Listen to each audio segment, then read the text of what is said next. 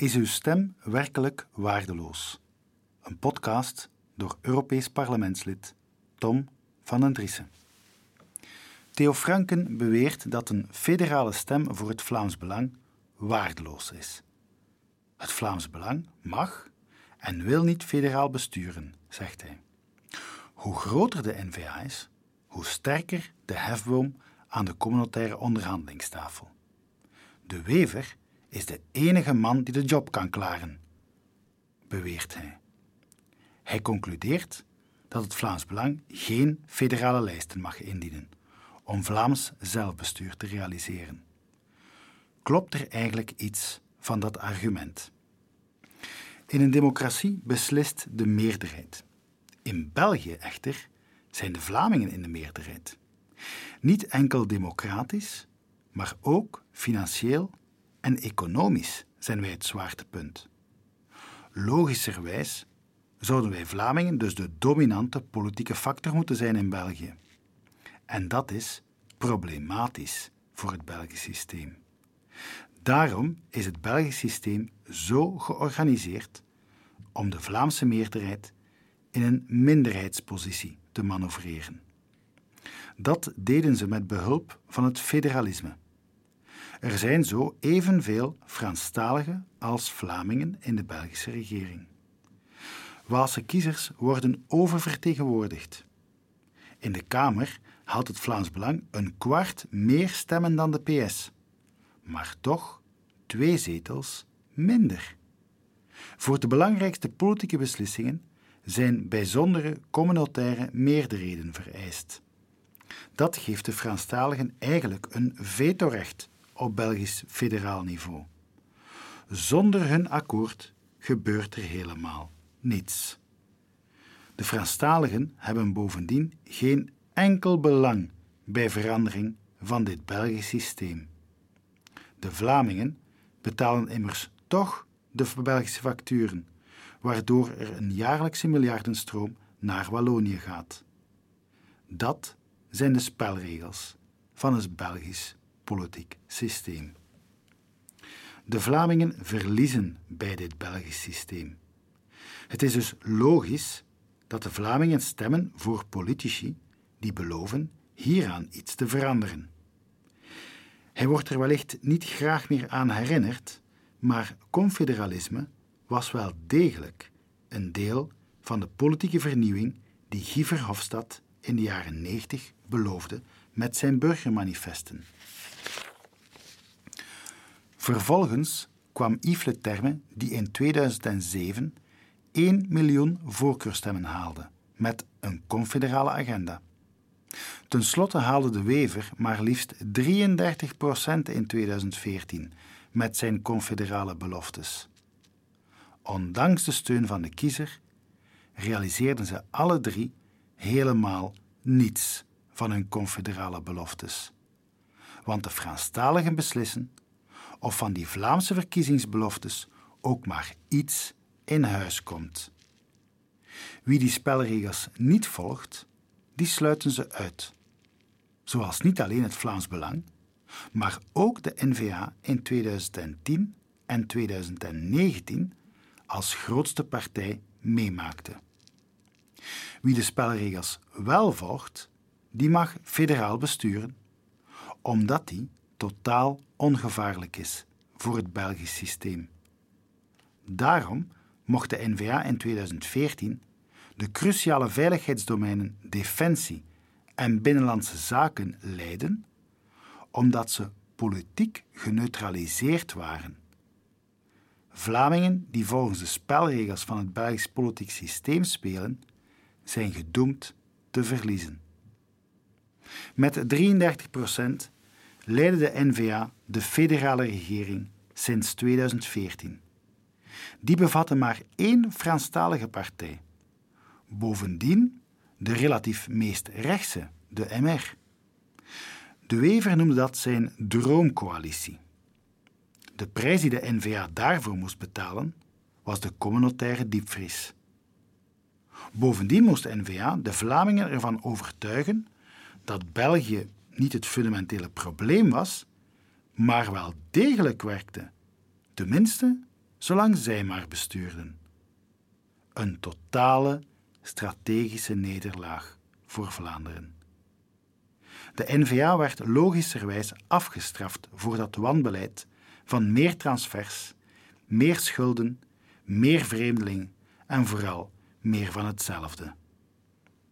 De best mogelijke electorale score voor de NVA en de best mogelijke federale coalitie konden helemaal niets van het beloofde confederalisme realiseren.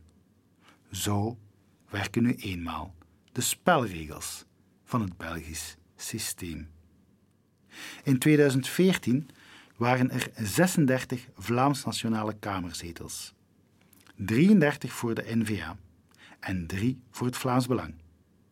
Als Theo Franken nu beweert dat het Vlaams Belang geen federale lijsten moet indienen, gaat hij ervan uit dat die drie Vlaams Belangzetels in 2014 de reden waren waarom het confederalisme niet gerealiseerd werd. Dat is natuurlijk erg lachwekkende onzin. Bovendien gaat Theo Franken ervan uit dat elke Vlaams Belangkiezer zomaar op de NVA zou stemmen. Ook dat is in de feiten gewoonweg onjuist. Bij de verkiezingen van 2019 won Vlaams Belangs immers meer stemmen dan NVA er verloor. Ondertussen peilt de NVA rond de 20%. Waarom zou de NVA morgen met veel minder stemmen realiseren wat men in 2014 met 33% niet wist, wou of kon doen? PS-voorzitter Magnet is net zoals alle anderen nu al zeer duidelijk trouwens. Ook in 2029 komt er voor hen geen communautaire hervorming. Het Belgisch systeem laat dat immers niet toe. Maar kan de Wever de klus dan toch niet klaren, zoals Theo Franke beweert? Het omgekeerde is waar. De Wever is de architect van de compleet gefaalde NVA-participatiestrategie. Ze hebben een kans gehad en verkeken. Iedereen ziet dat de keizer geen kleren heeft. Hij is naar eigen zeggen zelf beu. Nog eens zes jaar burgemeester blijven, dankzij Conor Rousseau. Daarvoor moeten al die goede NVA-stemmen in de vuilbak van de PS verdwijnen. Uit pure onmacht wordt een soort Nero-decreet afgekondigd. Nooit een coalitie met het Vlaams Belang, bezweren Franken en de Wever in koor. Uit schrik voor het onvermijdelijke. Maar de kiezers hebben allang hun conclusie getrokken. Ze stemmen massaal voor het enige alternatief, het Vlaams Belang. Maar dat wil Theo Franken helemaal niet. Want die stemmen zijn inderdaad waardeloos voor zijn carrièrekansen om federaal minister van Defensie te worden. Vlaanderen kan niet winnen binnen de spelregels van het Belgisch politiek systeem. Dat is precies het hele opzet. Elke Vlaamse strategie moet dus uitgaan van het negeren van die spelregels en het definiëren van onze eigen spelregels. En dat kunnen we. Vlaanderen heeft eigen democratische instellingen. Daar besturen we autonoom en soeverein, zonder dat de Franstaligen daar ook maar iets over te zeggen hebben. We moeten de kracht van onze democratie dus maximaal benutten, door Vlaams in Vlaanderen te besturen. Om dat te kunnen doen, moeten we het cordon sanitair breken. Enkel de kiezer kan dat cordon breken door van Vlaams Belang de grootste partij te maken. Dan hebben we het initiatief in handen om Vlaams en lokaal nationalistische coalities op de been te brengen. België overleeft dat niet, omdat Vlaanderen het financieel, politiek en economisch zwaartepunt is en zich dan ook zo gedraagt. Maar dreigt de NVA dan ook niet in het cordon gezet te worden, zou men kunnen opwerpen. Dat kan, maar dat toont dan meteen ook aan dat het cordon niet zozeer tegen het Vlaams belang, maar wel tegen alle Vlamingen gericht is. Bovendien komen de Franstaligen er federaal niet zonder zogenaamde centrumpartijen als CD&V en VLD. Die worden nu al gedecimeerd na Vivaldi 1. Stappen ze in Vivaldi 2, dreigt de politieke zelfmoord, wat de implosie van het Belgisch systeem enkel dichterbij brengt. Ten slotte, het voorstel van Theo Franken om eerst federaal een regering te vormen en dan pas een Vlaamse regering is een bijkomende strategische blunder van formaat. Het onderwerpt namelijk onze Vlaamse en lokale democratie aan de federale. Het geeft een hefboom aan de PS om te bepalen wie in de lokale en regionale democratie uiteindelijk mag besturen. De capitulatie is daarbij totaal. Zelfs als pantoffelconservatiefjes het niet willen, is de Belgische chaos onvermijdelijk door de financieel rampzalige toestand waarin Vivaldi ons gebracht heeft. Het enige wat Vlaams socialisten nog moeten doen in de Kamer is weigeren zich te onderwerpen aan de Belgische spelregels. Het antwoord op die Franstalige arrogantie is dus geen terugtrekking van Vlaams Belang Kamerlijsten, maar wel samenwerking tussen Vlaams nationale partijen. Of waarom niet? Vlaamse federale eenheidslijsten rond gezamenlijke doelen.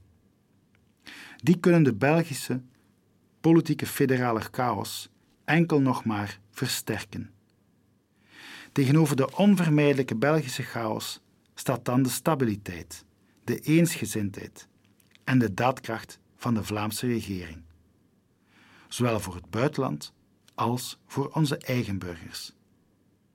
Het Belgisch corrupt systeem overleeft assertief Vlaams bestuur gewoonweg niet.